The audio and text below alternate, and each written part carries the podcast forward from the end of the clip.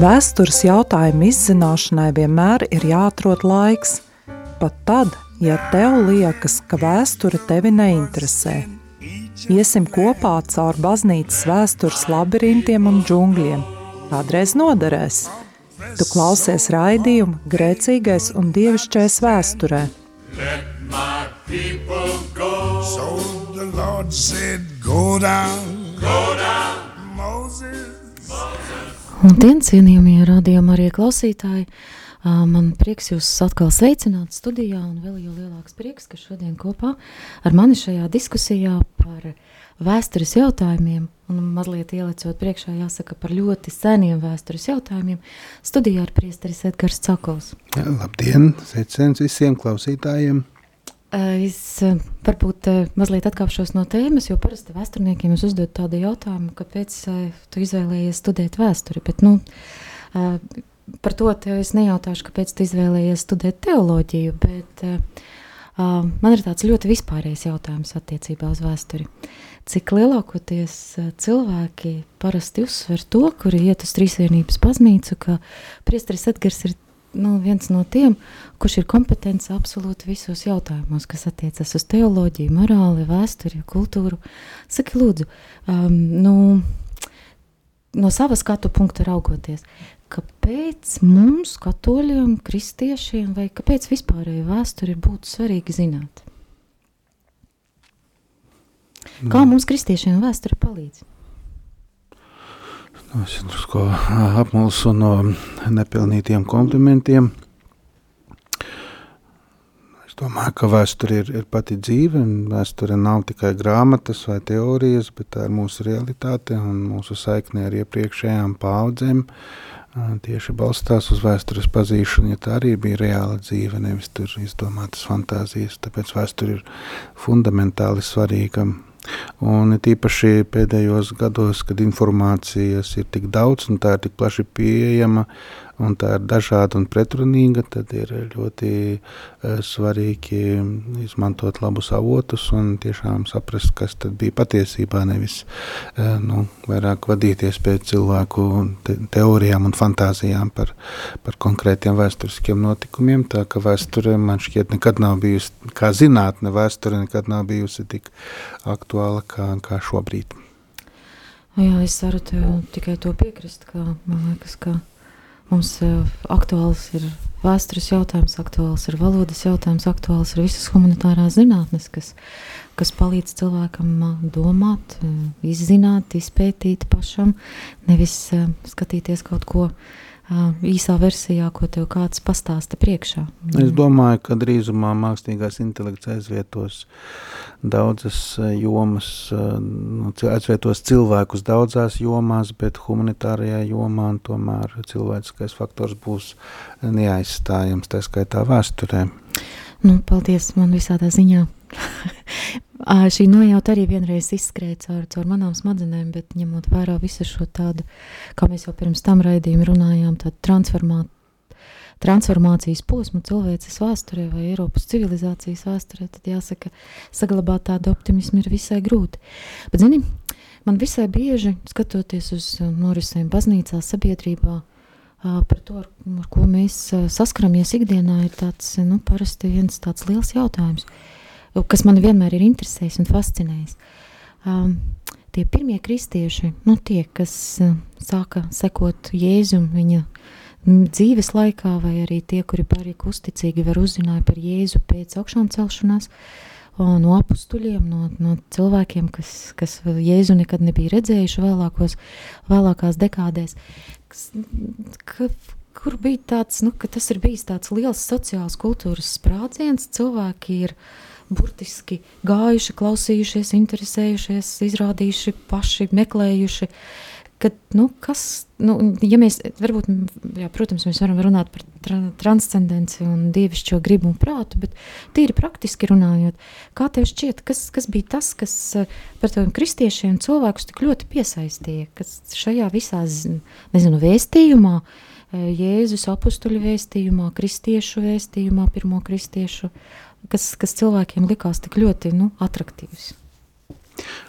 Nu, te mums um, vajadzētu vienoties, vai mēs runājam par baznīcu pirms vai pēc Milānas edikta.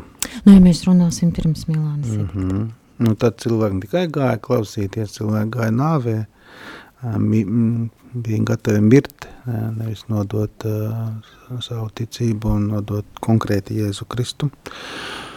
Un es domāju, ka, ka atbilde un, un, un šo jautājumu ir tas, ka neviens un nekas nav bijis ā, spējīgs atklāt ā, patiesību par Dievu tik lielā mērā, kā, kā Jēzus no Nazaretes, kurš ā, vēlāk tika apzināts kā, kā Kristus, kā Mesijam. Un tas arī ir tas galvenais spēks, un tas vienmēr tā ir bijis. Jo, ja baznīca zaudē šo izpratni par, par Jēzu kā, kā mūsu ticības pamatu, tad baznīca zaudē savu identitāti. Un, ā, es domāju, ka tieši Jēzus, ā, nu, teikt, Jēzus persona ir par maz, Um, Jēzus būtība, Jēzus, uh, Jēzus fenomens ir, ir tas, kas ir pamats uh, visam, kas notika toreiz un kas notiek tagad. Nu, kaut vai, piemēram, apustuļa uh, Pāvila atgriešanās tās, ka nu, tieši satiekot nu, tādu mistisku pieredzi, bet konkrētu tajā pašā laikā pieredzi, viņš tika pārveidots būtībā dažu nedēļu laikā. Viņš kļuva no briesmīga baznīcas vajātāja par visdedzīgāko Kristus liecinieku. Es domāju, nu, Kristus, Kristus ir centrā visam, toreiz un tagad, tikai dažādos vēstures posmos ir bijis dažādi. Vai um, vai tu esi redzējusi filmu par Van Gogu pie mūžības vārtiem? Jā, Ir gadījies, jā. kādreiz, Atceries to dialogu psihiatriskajā klīnikā ar priesteri? Nē, neatceries. Es atceros, ka tas bija ļoti spēcīgs, bet tagad es nemāku pateikt vārdos. Nu, tā ir tiem vēsturniekiem. Viņi kopējo ainu redz, bet detaļām nepievērš uzmanību, tas viss taču Jā, grāmatās ir. vēsturnieki dalās divās daļās. Tie, kas Ah. pievērš uzmanību detaļām, un tie, kas vispārējā kontekstā dzīvo. Nu, skaidrs. Nu, lūk, nē, nu es domāju, ka pēc šī raidījuma es arī varēšu beidzot sevi saukt par vēsturnieku, jo man līdz šim brīdim nav īsti skaidrs, kāpēc Inesīt, tu mani uzaicināji uz šādu raidījumu. Bet, ē, lūk, šajā filmā, kur ir ļoti svarīgs ē, dialogs starp ē, Van Gogu un priesteri, kuram bija jāizlemj, viņš ir izārstēts vai joprojām tiek uzskatāms, uzskat, ir uzskatāms par bīstamu sabiedrībai. Māksliniekam tiek uzdots jautājums no priestera puses, vai viņš ir slavens mākslinieks, Van Gogs? Mm. Un uz ko mākslinieks lielā pazemībā atbild, ka viņš ticamāk tiks atzīts pēc kādiem 80 gadiem, kad viņš jau būs miris un piebilst tieši tāpat kā Jēzus.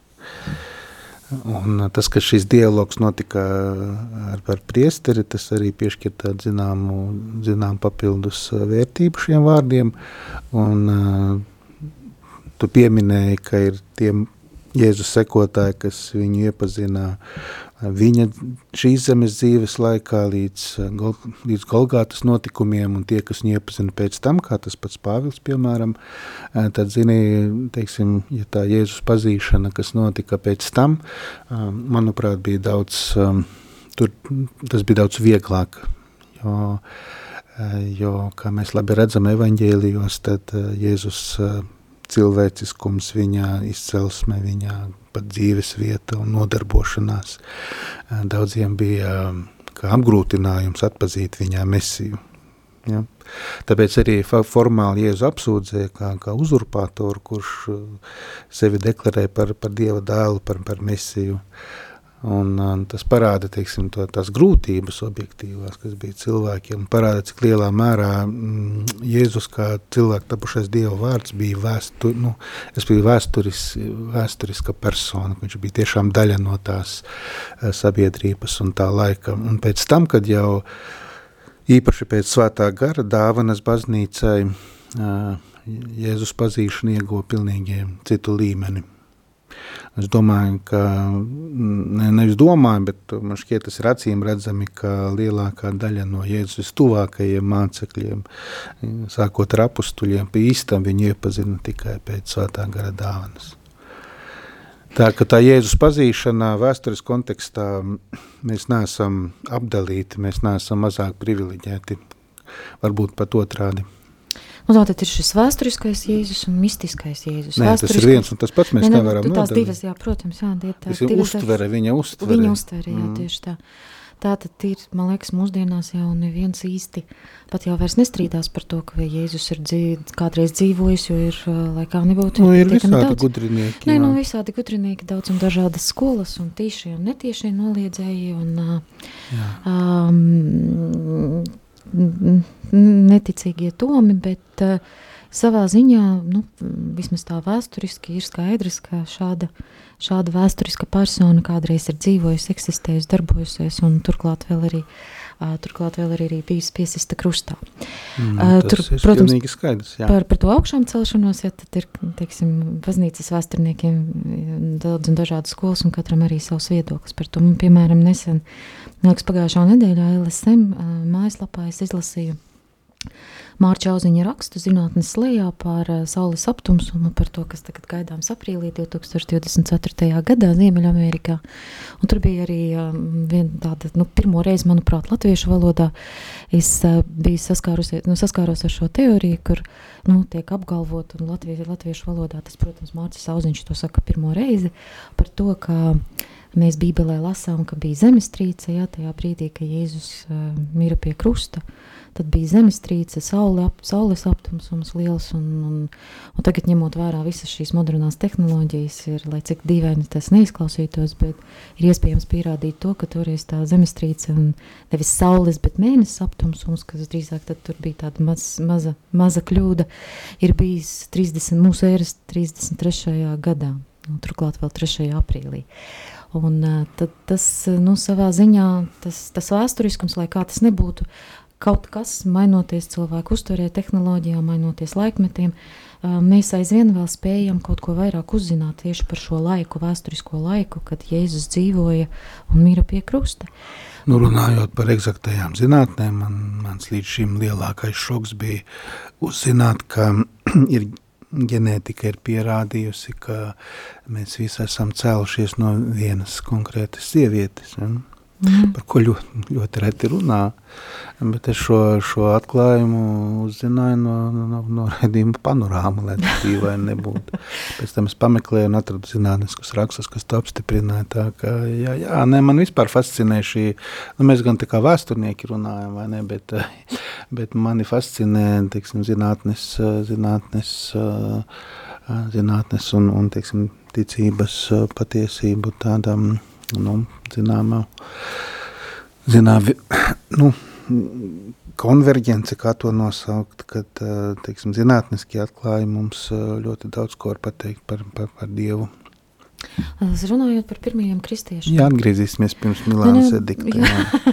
bet tomēr esam vienojušies. Par, nē, nē, tas mums vispār ir arī par jebē, kontekstā ar vēsturisko Jēzu. Um, runājot par pirmajiem kristiešiem, uh, tie, kuri redzēja Jēzu, tiem bija nu, saprotams. Viņi redzēja visus viņa brīnumus, redzēja visas viņa, dzirdēja viņa vārdus, pārējie lielākoties dzirdēja vai nu nostāstus, vai, tad uh, ļoti lielu lomu uh, šiem pirmajiem kristiešiem spēlēja šis sociālā puse, teiksim, visa kristietības. Tas, ko kristietība uh, darīja, vai tas, ko kristietība, kā, kādā veidā kristietība mainīja skatu punktu uz cilvēka dzīvi, vērtību. Piemēram, Amerikā bija ļoti daudz reliģijas sociologu pētījumi par to, ka uh, izpētot, pieņemsim, senas kristiešu kapsētas, kaut vai tajā pašā Romā, redzams, ka kristieši vidēji dzīvoja daudz ilgāku dzīvi, viņiem bija daudz vairāk bērni, viņi uh, Viņi kaut kādā ziņā dzīvoja tādos ļoti turīgos, lai kā cik tas dīvaini neizklausītos, bet pietiekami nu, turīgos pilsētas daļās, jā, bija pietiekami, pietiekami nodrošināti, ka nu, viņiem tas bija tā kā likās tāds, ka tas viņiem ir jāizpēta, kāpēc tā bija, ka, ar ko tas viss saistīts, un, un tad tie, tie reliģijas sociologi Rodnijas Tārka vadībā nonāca pie tās lēdziena, ka tas ir principā saistīts ar to, ka ar tām kristīga, kristiešu vērtībām, jā, kad, piemēram, Tev ir jāatbalsta slimie, tev ir jārūpējas par, par vājākajiem, neaizsargātākajiem. par tiem, kas ir nabadzīgi, jāpalīdz tiem cilvēkiem, jādalās ar to, kas tev ir. Tas ir jautājums par sievietes stāvokli sabiedrībā, par to, ka īstenībā mm, nu, tas kristietības skat, skatījums uz sievieti kā vērtību, uz viņas dzīves vērtību bija, bija tieksim, viens no tiem visnoteicošākajiem faktoriem, kas bija par pamatu tam, kā tik ļoti daudzas un, un no aristokrātijas cēlušās romiešu un, un citu tautu sievietes pievērsās kristietībai, tāpēc, ka kristietība parādīja to viņa vērtību, ko pagānu kultūras, ir sevišķi ir impērijā, Romas impērijā nespēja sniegt. Tad, tad, kā domā, mēs tā varam teikt, ka visi tie žālsirdības darbi, visi tā karitatīvais, tā, tās vērtības bija viens no tādiem nu, faktoriem, kāpēc citi cilvēki sāk interesēties. Vai tas, tavuprāt, nu, no tavas pieredzes, no tavas kā priestera pieredzes, no kādus bijis karitatīvajā darbā, no tas ir tas, varētu būt? Nu, redzim, Man liekas, ir svarīgi saprast, ka baznīca savā būtībā nav kaut kāda mm, karitatīva organizācija. Tas nav baznīcas teiksim, pašmērķis. Bet uh, tas izriet no, no, no, baz, no, no baznīcas dziļākās būtības, kā, kā, kā dabiskā, uh, dabiskā konsekvence tam, kas ir baznīca. Ja? Šī, šis, šī saikne ar Dievu, ko nodrošina tieši Kristus. Uh, dabiskā veidā mudina cilvēku žēlsirdība, jo Dievs ir mīlestība. Un tieši šodien, starp citu, es neko daudz negatavojos šim raidījumam, diemžēl, bet varbūt arī labi. Bet priesteru breviārā ir fragments no svētā Ignācija no Antiohijas, ja, otrā gadsimta bīskapa mocekļa, un viņš Tāpat kā apustulis Pāvils rakstīja vēstulis kristiešu baznīcām, kopienām, un šodien lasījām fragmentu no viņa vēstules efeziešiem, Un tur viņš, vismaz tajā fragmentā, kas bija mūsu pārdomām šodien, viņš runā par mieru kā vislielāko vērtību. Un miers, viņš saka, izriet no žālsirdības. Ja cilvēkā ir žālsirdība, tad miers ir dabisks tās auglis. Uh, Un ja mēs, piemēram, uzlūkojam apakstuļu darbus, kā tikai kā dievu iedvesmotu um, grāmatu, bet arī kā vēsturisku dokumentu, tad mēs redzam, ka uh, jau no pašiem pirmsākumiem uh, kristiešu sadzīve uh, dabiskā veidā ietvēra rūpes vienam par otru, Ja, piemēram, ja kāds no klausītājiem atvērs apakstuļu darbus 4. nodaļā, no 32. panta, kur ir aprakstīta pirmo, pirmā kristiešu kopiena, eh, tur šie slavenie vārdi, ka ticīgo pulks bija viena sirds un viena dvēsele, viss viņiem bija kopīgs, un viņu vidū nebija trūkumcietēju. Ja, sāksim ar, ar šo pašu pirmsākumu, jo visi pārdeva savus īpašumus un naudu nolika pie apustuļu kājām. Un tā tika izdalīta visiem, kā nu kurām vajadzēja. Un šeit ir ļoti svarīga nianse, bieži piemin desmito tiesu dažādās kristiešu kopienās, bet lūk, šis fakts, kas ir aprakstīts apstur darbos, nu, faktiski parāda, ka desmitās tiesas princips baznīcā vairs neeksistē. Ir um, absolūtā žēlsirdība, kas, uh, kas mudina palīdzēt visiem pēc vajadzībām, un tātad jādod viss, un, un respektīvi, nu, tieši kā šeit ir teikts, uh, uh, visiem, kā kuram vajadzēja, tātad uh, nav vairs šo robežu, ka zināms līmenis, līdz kuram es sniedzu palīdzību un viss. Nē, kristī, kristīgais pasaules uzskats pieprasa maksimāli palīdzēt līdz cilvēkam. Pie tam šī, šī vēlme palīdzēt ir, ir ārpus nu, kopienas robežām, ne tikai kristieši kristiešiem palīdz, bet uh, vispār palīdz jebkuram cilvēkam. Un tas vispār jau tu pareizi saki, ka kristieši lielā mērā mainīja Romas impērijas sadzīvi un, un principus, attieksmi pret cilvēkiem. Un uh, tas, uh, tas parādās vēsturiski ir konstatējams jā, kā šis, šis pētījums.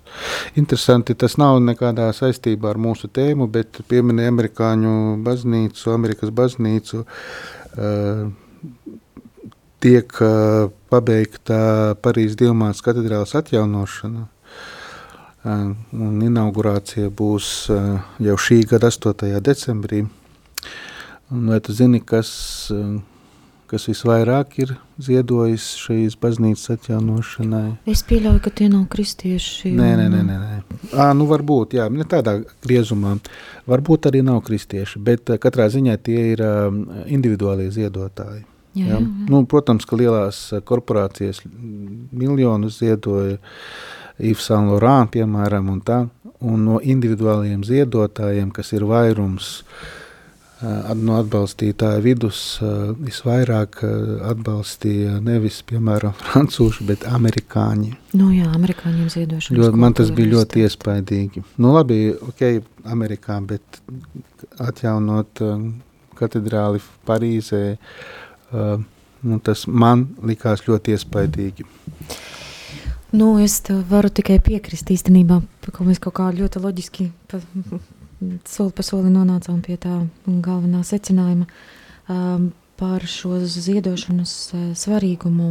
Bet, nu, red, tātad, ir laicīgie sociologi, kuri jautā, kuri mēģina skatīt no savas skatu punkta, sniedz atbildes, kas sakrīt to, ko šodienas brevijārs saka, to, ko saka svētie raksti. Un ilustrācija par um, Parīzes Dievmātes katedrāli, es domāju, ka ir tāds, nu, punkts. Mēs drusku pārlecām Milānas ediktu. Bet, ne, mēs, mēs šodien neaiziesim tā pati re, re, redzi, kāpēc es to atļāvos pieminēt, ka nu, tas ir tas pats gars, tā pati attieksme, tā ja, kas nemainās, jā. vai tas bija pirmajā gadsimtā vai 21. Bet gadsimtā. no savas personīgās pieredzes, jā, varu teikt, lai mēs varam, protams, kritizēt Amerika, Amerikas kultūru un amerikāņus, bet šai tautai, šai tautai ir raksturīgs devīgums un, un šī ziedošanas kultūra ielikta pašā būtībā sabiedrībā? Nu, es ne, nestrīdēšos, es ne, nekad neesmu bijis tur, tu, tu labāk pazīsti tieši šo sabiedrību, bet uh, es, es domāju, ka tā tas noteikti ir, tāpēc arī šī valsts ir tik, tik stipra, ka tur darbojas šiem subsidiaritātes principi, ja tā var teikt. Tā var, jā, bet zini kā, tagad pavisam aizējot tālu no pirmajiem kristiešiem, bet mēs atgriezīsimies cienījumie nu, noteikti. Noteikti, Bet es grib, gribēju nu, par, parunāt, vien, vienkārši uzdot vienu jautājumu par to kultūru, kuru es nepazīstu nemaz, bet tu pazīsti ļoti labi par Franciju. Mm. Jo es skatījos tiešraidē, tad, kad nu, notika šī traģēdija, tad, kad dega Parīzes Diemātas katedrāle. Un man pārsteidza tie cilvēku tūkstoši. Es pieļauju, ka tie nebija, ka svētdienās ka gājēji uz baznīcu bieži, bet uh, visā, es, bet, nu, tad sajūta, ka uh, katrs tas, kurš, nu, tie, tie, tā Francijas katoliskā arī tas, tas pamats ir tik ļoti spēcīgs, ka tur tādos kritiskos brīžos par katoli atcer, tas, kas, kas, kas viņi ir, jā, viņi ļoti labi arī spēja atcerēties, spēja mobilizēties, spēja vienoties lūkšanā pat uz ielas, un ne tikai Parīzē, bet visā Francijā. Un vēl tie Franciju dēvē par baznīcas vecāko meitu, Un, uh, skaidrs, ka šī, šī, šī kultūra, šī, šī nācija ir veidojusies uh, nu, nepārprotamām katolicismām ietekmēm un ir devusi ļoti daudz unikāla baznīcai un šī tiešām traģēdija, kā tu teici, nu, kaut kādā veidā pamodināja to, to katolisko identitāti arī tajos cilvēkos, kas varbūt, kā tu saki, ikdienā uz baznīcu neiet. Un, um, tas, ka vispār šī katedrāla tika izglābta toreiz, tas eh, arī ir zināmā mērā brīnums. Eh, varbūt es redzēju to dokumentālo filmu. Mm -hmm. Ja? Nu, ir vairākas, bet uh, vienu rādīja mūsu Jā.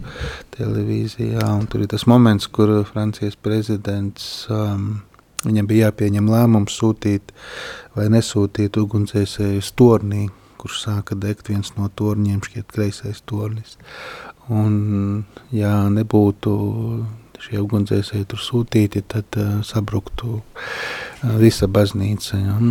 bet tas bija saistīts ar risku. Cilvēku dzīvības bija apdraudētas, ugunsdzēsēju dzīvības, un 20 minūtēs bija jāpieņem lēmums, un, un Makrona kungs pieņēma šādu lēmumu, pie tam viņš to izteica bez vārdiem, deva tādu žestu nepārprotamu ugunsdzēsēju priekšniekam, un tad šī komanda devās glābt to torni, kurš sāka degt. Un es domāju, tur ir daudz, daudz, ļoti daudz tādu personisku cilvēku izvēļu, kas nodrošināja to, ka ugunsgrēks nenopostīja visu, visu, visu katedrāli. Un, un tas parāda, ka šajos cilvēkus, vai tas būtu Francijas prezidents, nu, lai, lai kāds viņš ir, mēs jau viņu īstenībā nepazīstam kā cilvēku, vai ugunsdzēsējs, ierindas ugunsdzēsējs, kuram jāiet degošā baznīcā, bet viņi pieņēma šo, šo lēmumu. Līdzīgi jau bija arī, varbūt atceries, kad um, dega Turīnas katedrāli. Uh, Un bija jāglābj Turīnas slavenais uh, līķauts, un tur bija viens ugunsdzēsējs, vienkārši puisis, uh, kurš divas stundas ar smagu āmuru daudzīja ložu necaurlaidīgo stiklu, lai šo relikviju izstieptu ārā un izglābtu. Divas stundas viņš strādāja ar smagu āmuru.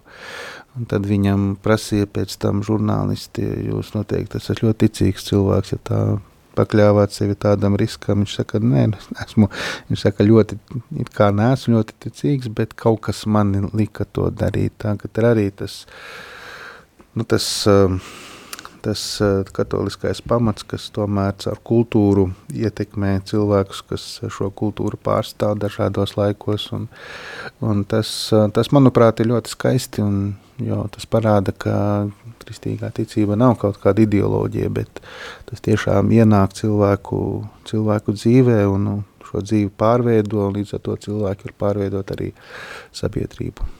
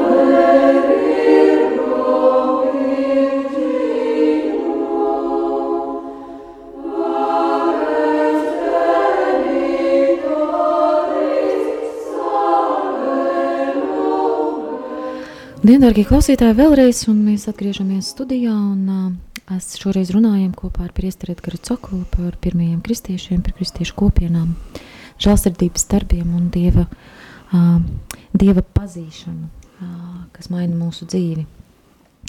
Es gribēju uzdot vienu jautājumu. Tad pēc tā brīža, kad sita Jēzu krustā un uh, ļoti daudz cilvēki zaudēja ticību. Arī tas fakts, ka Jēzus apsolīja, ka viņš drīz atgriezīsies, daudziem cilvēkiem lika, lika nu, to uztvert burtiskā veidā, tiešā veidā, ka tas būs rīt, parīt, aizparīt. Un šāda veida noskaņas pastiprinās, sevišķi tad pastiprinājās tad, kad notika pirmās kristiešu vajāšanas un arī citos tādos sociālos un kultūras atricinājumos. Cik vai nu, no tāda tava skatu punkta raugoties kā teologam, vai tas ir tāds mm, sarežģīts jautājums, par ko eh, dažādos vēstures posmos ir daudz diskutējuši par to gaidīšanu, par to atgriešanos rīt, parīt, aizparīt? Nu, ir nepārprotami, ka pirmajos gadu desmitos tiešām domāja kristieši, kā tiešām tūlīt, tūlīt vienas paudzes ietvaros nāks Kristus. Otrais, un būs laiku piepildījums un tam līdzīgi, un tieši tāpēc arī ar to arī ir saistīts tas, ka viņi tik labprāt nu, to savu laicīgo mantu padarīja par kopēju īpašumu, jo nebija jēgas pieķerties mantai, jo tāpat pēc pāris, kā tu saki, pēc gada, pēc mēneša Kristus atnāks otrais. Un tas, protams, lielā mērā mainīja, mainīja teiksim, uztveri, dzīves uztveri kā tādu. Bet uh, ar laiku, protams, uh, baznīca saprata, ka nu, tas periods nav desmit gadi vai pat, pat ne simts gadi. Un, un tas teiksim, gala secinājums bija tāds, ka nu, tas arī rakstos teikts, ka neviens nezina to, to, to dienu. Uh, un tāpēc arī teiksim, skatoties uz dažām sektām, kas tik labprāt deklarē pat pēc, vairākas reizes pēc kārtas pasaules pasaules galu. Tas tā ir nu, traģikomiski jāatzīst. Bet um, es domāju, ka tieši tas, nu, cik lielā mērā tas ietekmē teiksim, pirmo gadsimtu vai gadu desmitu kaut vai baznīcas dzīvi, tikpat lielā mērā tas arī šo dzīvi mainīja, kad nu, nonāca līdz apziņai, ka ka Kristus otrreizēja atnākšana nav gluži rītdienas projekts. Ja? Tā kā mums no vienas puses ir jābūt gataviem jebkurā brīdī, no, no otras puses mums ir pienākums veidot ilgspējīgu teiksim, mūsu sadzīvi un sabiedrību. Tā, tas ir nu, ļoti interesants koncepts īstenībā, tas, ka laiku gals pienāks, bet tomēr mums ir atbildība līdz tam par to, ko Dievs mums ir uzticējis. Tas arī ir ļoti interesanti pie šābām. Man bija tāda nesen ļoti īsa saruna ar vienu cilvēku, kurš teica, nu, kā arī viss, kas mums tagad pasaulē nenotiek, slimības un tā tālāk, nu, tā ir zīme, ka pasaules gals. Nu, bet tur jau arī ir teikts, nu, redziet, ka... tas ir bijis vienmēr tā.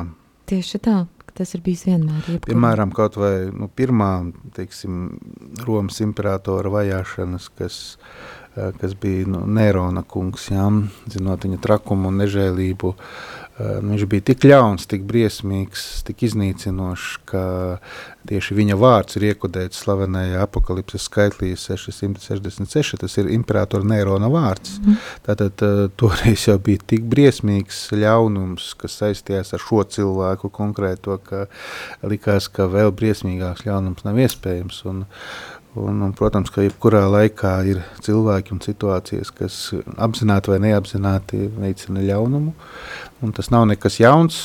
Jā, un, tāpēc arī mums katram ir sava atbildība par, par mūsu darbiem, lai mēs ne, neesam ļaunuma pusē. To, to diezgan viegli var, var atšķirt cilvēks, kas ir godīgs pēc savu veselo saprātu un sirdsapziņu. Uh, Tātad darīt labu, nedarīt ļaunu, tā ir ļoti vienkārša izvēle, kas ir katra cilvēka rīcībā. Tev pat nav jābūt teiksim, kristietim, lai šādu izvēli veiktu. Un daudzi ir šie labās gribas cilvēki, ne, kas, kas, kas ir jānovērtē un jau no pašas Jēzus dzimšanas tā liela vērtība atceries Ziemassvētku motīvu ar šo eņģeļu dziedājumu lab, par labas gribas cilvēkiem vai cilvēkiem, kam ir labs prāts. Tā kā to ļaunumu mēs bieži paši nesam sevī, un vai mēs tā, to, tam pakļaujamies vai nē, tā ir mūsu izvēle. Jā, man liekas, vēsturē viss ir par cilvēku izvēlēm. Protams. Bet uh, pašu pēdējo, ko es gribēju ar tevi parunāt, kā arī cilvēku, kurš ir šajā jautājumā ļoti kompetents, ir uh, laicīgie un baznīcas vēsturnieki, manuprāt, jau ir ilgus gadus runājuši par šo jautājumu par diakonu institūciju katoļu baznīcas, katoļu baznīcas struktūrās. Saki lūdzu, um, nu, ja mēs tā skatāmies atpakaļ vēsturē, ja, tad tādā vēsturiskā skatījumā, nu, tālu, nu, pavirzīsimies no, mūsdienām. Mm -hmm. Cik ir daudz tādu pierādījumu, vēsturisku pierādījumu tam, ka šī institūcija eksistēja, to, kāds bija šis institūcijas mērķis, galvenais uzdevums, attiecības ar priesterību un nu, visa šī tāda pirmo kristiešu hierarhija, kas eksistēja, varas hierarhija, ja mēs tā varētu noteikt, ekleziālā hierarhija. Cik tavuprāt, šis jautājums ir izpētīts, izzināts, cik tas ir aktuāls un cik lielā mērā tavu, šīs izpētes jomā varētu virzīties vēl? Jā, nu tā ir ļoti svarīga realitāte. Ja mēs runājam teiksim, par žēlsirdības darbiem, tad diekonāts, diekona institūcija ir nepārprotami saistīta ar šo, šo realitāti. Un, bez šaubām var pētīt ļoti daudz ko, jo diekonāts jau nav kaut kāds vēsturisks satavisms, tā ir realitāte, kas joprojām ir baznīcā dzīva un ļoti svarīga. Kādreiz jau pēc Milānas edikta slavenā bieži bija tā, ka bīskaps izraudzījās tieši no diekonu vidus, pat ne no priesteru vidus. Bet sākums jebkurai izpētē par diekoniem baznīcas dzīvē ir meklējums tajos pašos apustuļu darbos, proti sestajā nodaļā. Sestās nodaļas pats sākums, kur ir uh, aprakstīta, aprakstīti pirmie sociālie konflikti, kas radās uz nacionālā pamata, proti grieķiski runājošie ebreji uzskatīja, ka viņu tiesības netiek pilnībā ievērotas un respektētas, un viņi sāka kurnēt. Konkrēti, tas bija, tās bija atraitnes, tātad viss sociāli neaizsargātā cilvēku grupa toreiz, un, un par cik, kā jau mēs uh, secinājām, ka viss tika apvienots un izdalīts tiem, kam bija vajadzības, tad uh, nu, izrādās, ka ne visi uh, saņēma taisnīgu šādu palīdzību, jā, vai vismaz daži domāja, ka viņi nesaņem taisnīgu palīdzību no kopienas puses, un tad apustuļi, apustuļi pieņem uh, lēmumu, un izvēl septiņus cilvēkus, septiņus uh, vīrus, uh, lai viņi nodrošinātu šo konkrēti sociālo uh, taisnīgumu, un tā rodas diakoni. Un kas ļoti interesanti, ka mēs nebija pievērs uzmanību ilgus gadus, man liekas pagājuši gadu es pirmo reizi par to aizdomājos un kaut kur lasīju, un tā tas arī ir, ka visi septiņi pirmie diakoni bija tieši grieķu grieķu kultūras nesēji. To var saprast pēc viņu vārdiem, gan Stefans, gan Filips, Prohors, Nikanors, Timons, Parments, Nikolais, tie visi ir grieķu vārdi. Tātad, ja grieķu kopiena baznīcā sūdzas, ka viņus apdala, vai, tad apustuļi saka, lūdzu, mēs iecelsim tieši no jūsu vidus. Tur nav neviena ebreja, nu, respektīvi, viņi visi ir ebreji, bet viņi ir uh, grieķu kultūras ebreji, ja, un tieši grieķu kopienas pārstāvi, visi uh, septiņi diekoni grieķu kultūras pārstāvis. Ļoti interesanti. Tas nozīmē, ka nav kaut kāda tur uh, nejaušība, nu, svētais gars kā iedveš, bet tā ļoti racionāla izvēle, uh, Tātad tas īstenībā parāda, cik, cik gudri baznīca tika vadīta tajā laikā, un tas tiešām ļoti iespaidīgi. Um, nu, es, pie, pavisam pēdējais jautājums šajā mūsu sarunā mm. ir jautājums par sieviešu diakoni. Jā, tāds fenomens bija zināmā vēstures periodā, bet es gribu uzreiz teikt, es jau saprotu, uz kuru pusi tu skaties, bet uh, es gribu uzreiz teikt, ka diakons kā tāds uh, īstenībā um, nav tam ir ļoti diekonātam ar priesterību, tā, tā saikne ir nosacīta. Pat ja mēs katehismā lasām, ka diekonāts ir pirmā priesterības pakāpe, bet tas ir tādēļ, ka jebkuru priesteri un bīskapu attiecīgi vispirms iesvēta par diekonu un tad viņš kļūst priesteris, un tad kāds no priesteriem kļūst par bīskapu. Un tas bija vajadzīgs tādēļ, lai uzsvērtu šo kalpošanas um, piesacījumu. Ja? Mm. Un, uh, piemēram, man bija lekcija, kuru vadīja um, nu, teikt, izcilākais Vatikāna otrā koncilā teologs uh, uh, Louis Bouillet, kurš jau ir miris. Bet man palaimējās, viņš jau bija ļoti vecs, un viņš, eh, nu, lai tev paskaidrotu viņa ies, iespaidu uz baznīcas un Vatikāna otrā koncila teoloģiju, eh, tas bija cilvēks, kurš sacerēja otro euharistisko lūkšanu, kuru visbiežāk izmanto arī mūsu priesteri, tā ir visīsākā. Tātad, eh, nu, lūk, un viņš teica, ka diekonātam sākotnēji nebija absolūti nekāda sakarā ar priesterību tie bija sociālie darbinieki, kas darbojās baznīcas uzdevumā, un vēlāk, kad diekon, diekoniem tieši nu, diek, diakoni uh, bija vienmēr līdzās bīskapiem, jo, jo ja redziet, nu, kā man teica viens, mums teica viens profesors, uh, teiksim, vienīgā tāda teoloģiskā saikne diekonam ar priesterības sakramentu ir tas, ka viņš bīskapa uzdevumā veic žāsadības darbus, jo katrs bīskaps, kad viņu konsekrē, viņš apsola, ka viņš atbalstīs nabagus, rūpēsies par trūkumcietējiem. Ja? Un diakons ir tas, kurš bīskapa uzdevumā to veica. Saproti? Jā, es saprotu, bet tad man ir tāds viens ļoti tieši varbūt... Es gribu pabeigt par, piedot, piedot es gribu pabeigt par tām sievietēm diakonesēm. Eh, tās bija dāmas, kuras palīdzēja kristību liturģijā, kad bija jākrista sievietes, toreiz kristīja pieaugušos ar ie, iegremdēšanu. Un tur vajadzēja pārģēpties, tas bija nu, tīri no, no seksuālās ētikas viedokļa bija nepieciešams sieviešu atbalsts šim konkrētam liturģiskajam kalpojumam, un tāpēc vienā konkrētā vēsturiskā brīdī bija arī sievietes, kuras dēvēja par diekonēm, bet tas bija saistīts konkrēti ar kristību liturģiju. Mm -hmm. Bet man tāds, tāds, tāds... Jā, piedod. Tagad... Nē, nē, nē, piedod, tu esi pa vidu. Nu, nē, bet... tu man piedod. Labi, sacentīsimies, nu, kurš vairāk piedod. Bet um, tad man ir tāds viens jautājums, uh, tad kurā brīdī mēs esam pazaudējuši vēsturi un to, ko tu tagad stāstīji par diakonu lomu pirmajo krist, pirmajā, pirmo kristiešu kopienā. Mm -hmm. Kad mēs šo mūsdienās uh, lielāku, arī sarunas par to, vai sievietes uh, var un vajag kļūt par, par diakoniem un tā tālāk, tad no kā mēs to vairāk lielākoties esam pazaudējuši to īsto jēgu par to, ko nozīmē būt diakonam un kāpēc no, tas viss lielākoties ļoti hierarhizēts. Piedod, jā. Atbilde ir vienā vārdā izsakāmā, to sauc par klerikālismu kad uh, diakona, diakona nu, teiksim, uh, identitāte uh, pārtapa par pirmo soli ceļā uz uh, priesterību. Līdz ar to diakoni tiešām mm, zināmā mērā zaudē savu pirmatnējo funkciju. Un es neesmu nekāds tur uh, speciālists, vai man nav nekādas tiesības par to varbūt izteikties, bet es domāju, tā bija liela kļūda. Liela.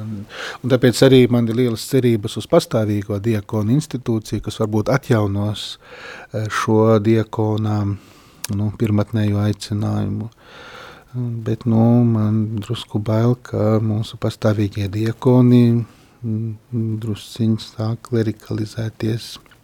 Tas man nedaudz uztrauc. Nu jā, nu, un, tas, protams, jau iesvētīt sievietes, kā teikt, prāt, tā, nu, iesvētīt... Franciskas, tas nozīmē klerikalizēt viņas vēl vairāk. Nu, nu, tā ir cita tēma. Nu, jā, ne, ne, mēs šo tēmu necelsim tagad. Nerunāsim, jā, Bet, ja jebkurš, jebkurš savā kristieša aicinājumā, kristības spēkā ir aicināts kalpot un palīdzēt līdz cilvēkiem, un šajā kontekstā mēs visi esam diakoni, ja mums visiem ir jākalpo. Bet tad ir pavisam, pavisam pēdējais jautājums, uz ko laikam, jā, dažas minūtes palikušas, tāpēc ļoti īsi. Ko mēs no pirmajiem kristiešiem, vai pie kā mums būtu jāatgriežas, gluži kā pirmajiem kristiešiem savā kalpošanā, lai mēs šo autentiskumu atjaunotu vairāk? Vai... Mums nav nekur jāatgriežas, Inese, jo baznīca ir dzīves organisms, tas aug un attīstās, un mums nevajag adaptēt pirmo gadsimtu, gadu desmitu dzīvesveidu, kāds bija to toreiz kristiešiem, mums ir jāsaglabā uzticība Kristum, jāsaglabā baznīcas, baznīcas nu, konstitu, konstitu, konstituējušie elementi. Es jau drusku te sagurstu. Un, un ja mēs paliekam uzticīgi baznīcai, mēs jebkurā laikā varēsim nu, pārstāvēt Kristu un dzīvot kristieši.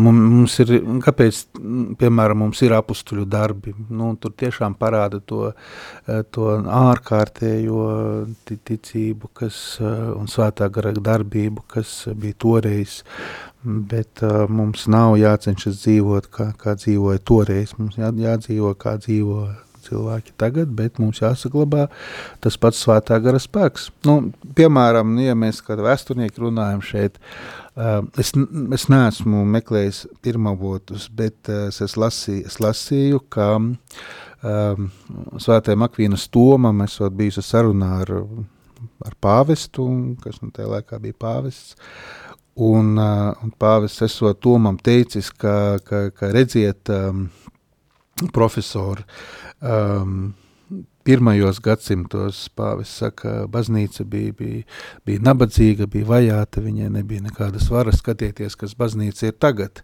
13. gadsimts, mēs esam vareni, mums ir vara, mēs ieceļam valdniekus, atceļam valdniekus, uz ko Akvīnas Toms esot atbildējis pāvestam, jā, svētais tēvs, jums taisnība, bet toreiz baznīca varēja pateikt paralizētam cilvēkam celies un staigā, tagad tas nevienmēr ir iespējams, ja? un tā tā, tā, tā ļoti pareiza doma. Es uzskatu, pie, pie, pēc tā mums jātiecas, lai mēs tiešām, eh, es tikko pirms ierasties studijā biju pie, pie kāda cilvēka, kurš uh, ir paralizēts, daļēji paralizēts un, un ilgus gadus paralizēts, un, un es viņam devu slimnieku sakramentu, un es tieši atcerējos šos vārdus. Nu, es domāju, nu, nu, ja nu viņš pieceltos, tas cilvēks, nu, viņš nepiecēlās. Mm. Tā kā, nu, labi, tas ir, protams, katram, katram ir savs ceļš un, un, un tam līdzīgi, bet nu ir kaut kas no tā, ko mēs varbūt neteiksim, esam pazaudējuši, bet varbūt aizmirsuši. Ka mums varbūt tās prioritātes reizēm nav, nav pareizās, mēs varbūt vairāk uz kaut kādām, nu, sekundārām lietām orientējamies. Piemēram, tas pats sociālais darbs, nu tā, tas nav galvenais pat ja tas ir dabisks priekš mums. Nu, tā kaut kā. Lielas paldies par šo sarunu. Nu, paldies, un... Inese, ka jūs mani uzaicinājāt. Beidzot, varēšu teikt, ka esmu arī zināmā mērā vēsturnieks. Nu jā, Liels pārsteigums man bija, bet ļoti runāt. patīkams pārsteigums. Protams. Man arī paldies, un uh, es domāju, ka šī doma par to, ka jādzīvo šeit un tagad ar Kristu ir jā. mums visiem vajadzīga. Paldies, cienījamie klausītāji, un līdz nākamajai reizei. Paldies, mīļie radio klausītāji. Atbalstiet Radio Mariju Latviju.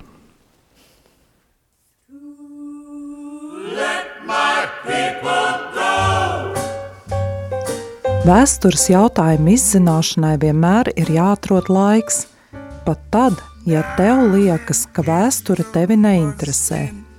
Iesim kopā caur baznīcas vēstures labirintiem un džungļiem. Kādreiz noderēs! Tu klausies raidījumu grēcīgais un dievišķais vēsturē. So go down, go down, Moses, Moses.